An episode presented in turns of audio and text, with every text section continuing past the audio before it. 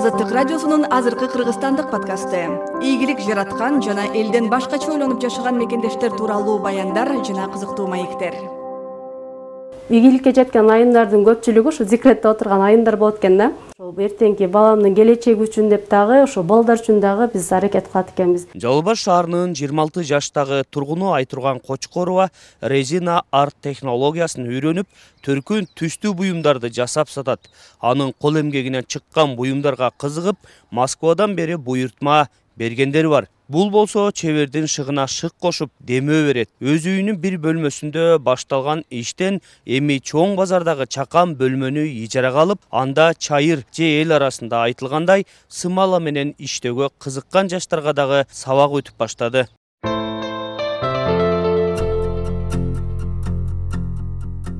Э, биз азыр бир саатты жасайбыз. Эң жашы чоңу ушул элүүдөн ашкан эжелер келишет да иштей турган саат болобу кадимкидей эле? Кадимкидей эле иштейт айына орточо эсеп менен жүз миңдин тегерегинде табам. Жаңыча метод үйрөнөбүз жаңы көрүнүш үйрөнөбүз деген үмүт менен ой менен келип отурабыз. Негизи мен өзүм айылда турам жаңы дыйканда окшош эле күндөрдөн мындай тажап анан жашоомо бир аз болсо дагы өзгөртүү киргизейин деген максатта окугам да. Азыр бүгүн ошко доставка кылышыбыз керек. Азыр бул жерден керектүү нерселерди болмой калган эле үйдөгүлөрдү жумушка жөнөтүп кечки тамакты кылып кадимкидей эле э, келиндердин жумушун эле кылам. Негизи аял киши э, өзүн ар тараптан өнүк туруш керек деп ойлойм. Эмне ошто жокпу булар э? Ошто бар бир эки жерде бар менин аты жөнүм талгат абжалил уулу сиз угуп жаткан азаттыктын азыркы кыргызстандык түрмөгү мен айтурган айымдын өнөрканасына иши кызып турган маалда кирип калдым. Төрт беш кызга айтурган мастер класс өтүп чеберчилигинин сырларын үйрөтүп жаткан экен. Кандайсыңар келиңиздер. Ооба бүгүн бизде оффлайн мастер класс азыр биз кыздар менен чогуу. Саат жасайбыз негизи биз мастер класс өткөндө өтө көп адамга өтпөйбүз себеп дегенде ар бири кармап көрүп өз колдору менен жасаш керек жана жасаган буюмун өзү менен алып кетет. Ошондуктан э, биз азыр бир саатты жасайбыз.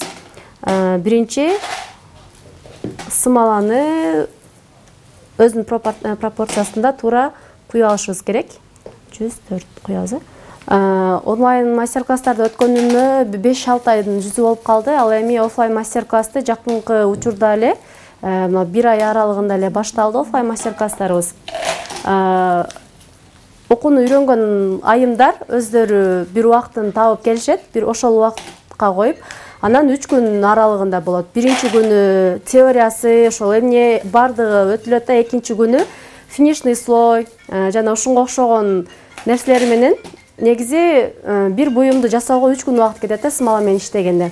Окуучуларым биринчи эле жасаганда сонун бир жыйынтыктарга чыгышып бир сонун нерселерди жасап атышат да. Азыр алар деле э, курс ачкан курс ачып иштеп атат заказ алып иштегендер бар мынтип өзү үчүн көбүнчөсү өзүм үчүн үйрөнөйүн өзүм үчүн идиш жасап саат жасайын жакындарыма өзгөчө белек берем деген айымдар дагы көп да. Э, бизде эң жашы чоңу ушул элүүдөн ашкан эжелер келишет да. Мынау мындан ысык шамал чыгат ошондо ичиндеги арасында калган кызырлар кетет да. Анан дагы сымала кеңири жайылышына жакшы болот негизи сааттарга э, ар кандай нерселерди салып козосок болот да бул азыр биз жасаган саат эң эле жөнөкөй. Жана бат жасалуучу саат болду. Жана бул жерге азыр биз арабча э, альхамдулиллах деген жазууну коебуз. Болушунча орто койгонго аракет кылабыз. Мынакей ортого коюлду бул эртең даяр болгондон кийин механизмдерди стрелкаларды коюп даяр кылабыз иштей турган саат болобу кадимкидей эле. Кадимкидей эле иштейт саатыбыз бүттү. Э, бүгүн э, биринчи слой болду. Буюрса эртең дагы булар даяр болгондо э, механизмин кадап саатты кадимкидей жүргүзөбүз. Анан дагы бул саатты жасоо үчүн бизге үч жүз грамм смола кетти. Үч жүз грамм менен ушундай сонун саат жана чекесине коздолгону беш жүз граммдай таш жана ушундай бизде ар кандай жазууларды өзүбүз мисалы ишкананын аттары болсо деле ушу сааттарга жабыштырып э, жасасак болот.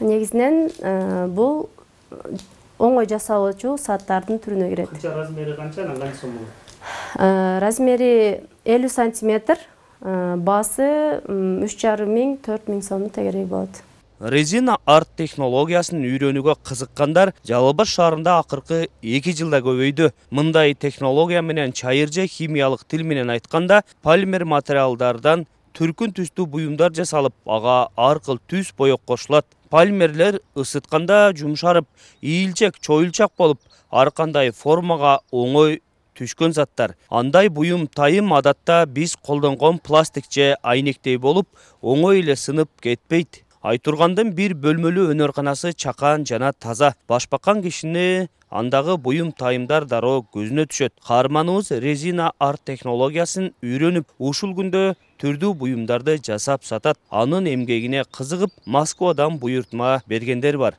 Бүгүнкү саатыбыздын биринчи союшу менен бүттү сиздерге жактыбы ооба жакшы Э, буюрса эртең механизмин кадап саатты жүргүзөбүз. Мен э, казакстандык э, бир кыздан үйрөнгөм. Ошол бизде жаңыдан эле келип жаткан экен. Ошол мен үйрөнгөндө кыргызстанда мен билгенден бир эки эле кыз иштегенин көргөмүн да. Андан кийин ошол мен казакстандык бир кол өнөрчүдөн көрүп калганмын интернеттен. Инстаграмдан эле көрүп анан онлайн окугам өзүм дагы. Онлайн окугам анан онлайн эле үйрөнүп жасап кеттим. Негизи смола менен иштөөнүн техникасын билип алсаң эле смола менен иштеген жеңил болуп калат да өзүң каалаган нерсени жасап кете аласың. Анан көргөндөр аябай таң калган биринчи идишти да кол менен жасайт экен да депчи ушул жумуш менен алек болуп калдым. Үйүбүздүн бир бөлмөсүндө эле жасап кийин ошол жерден заказдарым болсо деле ушу үйдө эле жасаачумун азыр бул жерге магазин ачып офис ачканыбызга бир айдын жүзү болуп калды. Э, негизи бул өнөр менен акча тапса болот. Э, мен азыркы учурда онлайн курстарды өткөзөм э, оффлайн курстар бар. Жасап заказга алып жасап сатканда деле пайда табасың да. Менин колумда кичинекей балам бар ошон үчүн көп заказ ала албайм.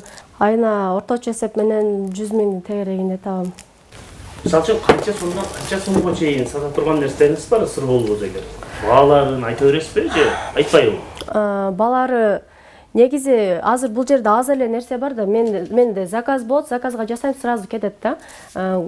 Бул алыстык ушу россиядан дагы заказ беришет мен үч төрт саат жасап жөнөттүм россияга. Баалары размерине карап болот. Эң чоң саат жасаган саатым он эки миң сомдук болгон көбүнчөсү кызыгып жазгандар көп болот. Анан баасын айтсаң эле кымбат экен деп ошентишет да. Чындыгында бизде кол эмгекти баалагандар аз экен бирок арасынан чыгат кол эмгекти баалагандар азыркы учурда көп эле баалап калышты. Айтургандын ар бир күнү чакан өнөрканасында өтөт. Бир жашар баласын көтөрүп алып жумушуна эртелеп келет. Ал резина арт технологиясын жаштарга үйрөтүп келечекте кеңсе ачып бул өнөрдү жайылтсам деп тилек кылат. Айтурган баланы да багып үй бүлөдөгү тиричиликке үлгүрүп ошол учурда сүйүктүү ишин да таштабайт. Бир жыл мурда таштаган бул кадамы ийгилик коштоп эки жүздөй кыз келинге бул өнөрдү үйрөтүүгө үлгүрдү. Бүгүн айтургандын мастер классына төрт кыз келген. Алардын ичинде шаардагы колледждердин биринин мугалими таңда бийке туташева ал он күндөн бери резина арт технологиясын үйрөнүүгө шымалана киришкен. Биз азыр биздин фантазиябыз эмес бул жактын э, фантазиясы менен жасайбыз. Жаңыча метод үйрөнөбүз жаңы көрүнүш үйрөнөбүз деген үмүт менен ой менен келип отурабыз. А үйүңүздө эмнелерди жасайсыз? Э, үйүбүздө пока биз азырынча этажерка идиштерди жасап атабыз. Э, өзүбүз үчүн гана азырынча планыбыз бар. Буюрса мындай кеңейтебиз деген азырынча өзүбүз үчүн. Мен үйрөнүп атканыма биринчи азыр жаңы бүткөн потокто бүттүм. Эч канча боло элек он күн аралык болуп калды. Мугалимдиктен сырткары жана иштен чарчап келип эле анан отуруп калбастан кайрадан буга кызыгып ушуу менен иштеп. Бизнес кылайын деп атасызбы кичине? азырынча бизнести ойлоно элекмин бирок кандай хобби катары үйрөнүп атам бүгүн өнөрканадан айтургандын дагы бир шакирти акмарал абжапарованы кездештирдик. Акмарал беш ай мурда айтурганга келип бул өнөрдүн сырларын үйрөнө баштаган. Ал азыр устаты менен чогуу иштеп башкаларга телефон менен аралыктан сабак өтүп баштады. Акмарал дагы сузактын айылдарынын бирине келин болуп барып бүлөө күтүп бир үйдүн түйшүгүн тартат. Келиндик милдети менен ишкерликти бирге ала жүрөм деген кыялга жетеленип айылдан шаарга каттап иш баштаган мен айтурган эженин биринчи ученицасы болом. Инстаграмдан работаларын көрүп жүрчү элем. Ага чейин сразу эле анан жагып өзүм дагы биринчи группасына эле кошулуп үйрөнгөм. Негизи мен өзүм айылда турам жаңы дыйканда окшош эле күндөрдөн мындай тажап анан жашоомо бир аз болсо дагы өзгөртүү киргизейин деген максатта окугам да. Анан биринчи эле жасаганда өзүмө аябай жакты мындай эс алып мисалы жасап атканда эч нерсени ойлонбой көңүлүң бир жерде болот да кандай болот экен деп ойлонуп мындай эс аласың да жасап атканда ошонусу жагып анан өзүм дагы заказга алып жасап баштадым. Өзүм кызым кичинекей болгондуктан көбүнчө түнү жасайт болчумун. Түнү жасап анан ошентип заказдарымды бүтүрүп берет болчумун азыр айтурган эже менен чогуу иштейм. Ушул айтурган эженин колунда. Буюрса алдыда мен дагы көп пландарым бар. Азыркы учурда өзүм дагы курс ачкам. Курс ачып ошол жактан киреше түшөт мага дагы. Айтурган бишкек менен кытайдан өнөрканада жасалып жаткан баардык буюмдар үчүн чийки затты сатып келип кардарларга дагы жеткирет. Резин артка керектүү нерселердин баардыгын алып келип койдук. Биздин магазинде экен да э ооба ооба магазиндагы. Кытайдан алдырам. Кытайдан бишкектен. Азыр бизде көбөйүп калды. Мурун башында мен окуп жаткан маалда башында мен иштеп жаткан маалда кыргызстанда табуу бир аз кыйыныраак эле башка жактардан алдырып анан материалдар да кымбат болчу. Азыр суроо талап көп болгон үчүн уже магазиндер дагы көбөйүп баштады смоланы табыш оңой да материалдарды. Негизи эле кыргызстандан көп эле табылат баардык жерден эле. Так листовой петальдан жыйырманы сал. Фурнитурадан. Төрт фурнитура. Жумуш күнү аяктап калган маалда даяр буйртмаларды кутуга салып көтөрүп алып эми курьердик ишти аткарууга жөнөдү азыр бүгүн ошко доставка кылышыбыз керек. Азыр бул жерден керектүү нерселерди полный эле. Артборд элүү сантиметрлик артборд смола. Ошто жокпу булар э? Ошто бар бир эки жерде бар. Көбүнчөсү окуучуларым менден алышат да сизден эле алалы дешипчи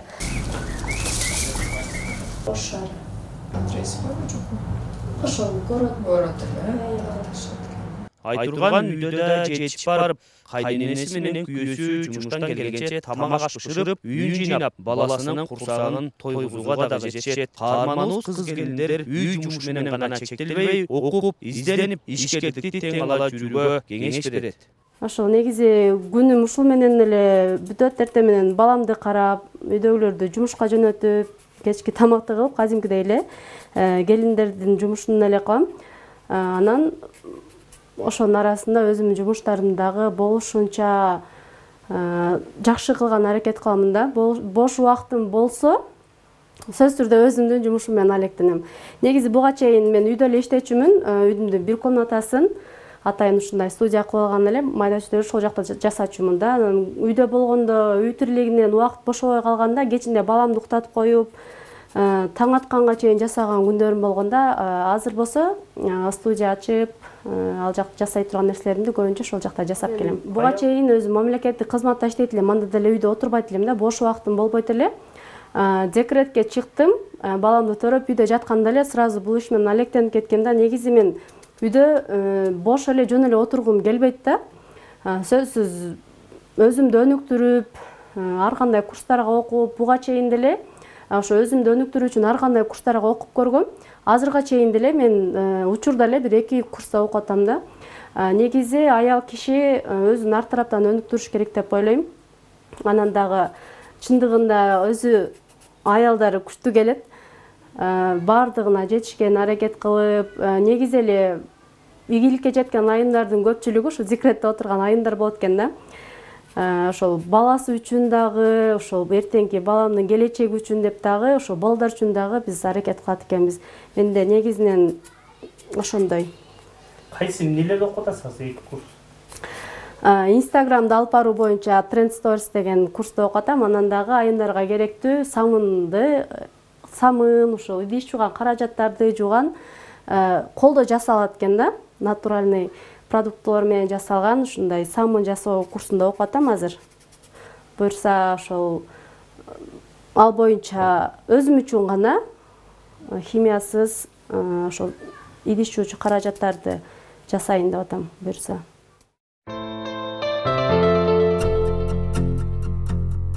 Жыйырма алты жаштагы чебер бир уулдун энеси айтурган кочкорованын алдыга койгон максаты чакан өнөрканасын кеңейтип кыз келиндерге жумуш ордун түзүү бүгүн сизге мына ушул жалал баш шаарында өзгөчө өнөркана ачып жаштарга өнөр үйрөтүп ишкердиктин көзүн тапкан айтурган кочкорова жөнүндө айтып бердик. Кокус сиз дагы жакын адамдарыңызга өзгөчө бир белек издеп калсаңыз айтургандын өнөрканасына баш багып же анын инстаграмдагы баракчасына баш багыңыз. Сиз азаттыктын азыркы кыргызстандык түрмөгүн уктуңуз. Бул ирет аны мен талгат абжалил уулу даярдадым. Биздин аудио баяндарды азаттык орг сайтынан подкаст аянтчалардан жана ютубтагы каналдарыбыздан угуп туруңуз. Социалдык түйүндөгү баракчаларыбызга жазылганды унутпаңыз азаттыктын сайты бөгөттөлгөн кезде биздин макала баяндарды кантип окуйсуз? Ал үчүн app store же google playден азаттыктын тиркемесин телефонуңузга жүктөп алыңыз. Тиркемеден өзүңүзгө ыңгайлуу тилди тандап кыргызстандагы жана дүйнөдөгү окуялардан кабардар болуңуз. Ошондой эле видеолорду радио берүүлөрдү жана подкасттарды оңой эле угасыз. Ыкчам так үзгүлтүксүз маалымат сиздин алаканда азаттык элдин жана эркиндиктин үнү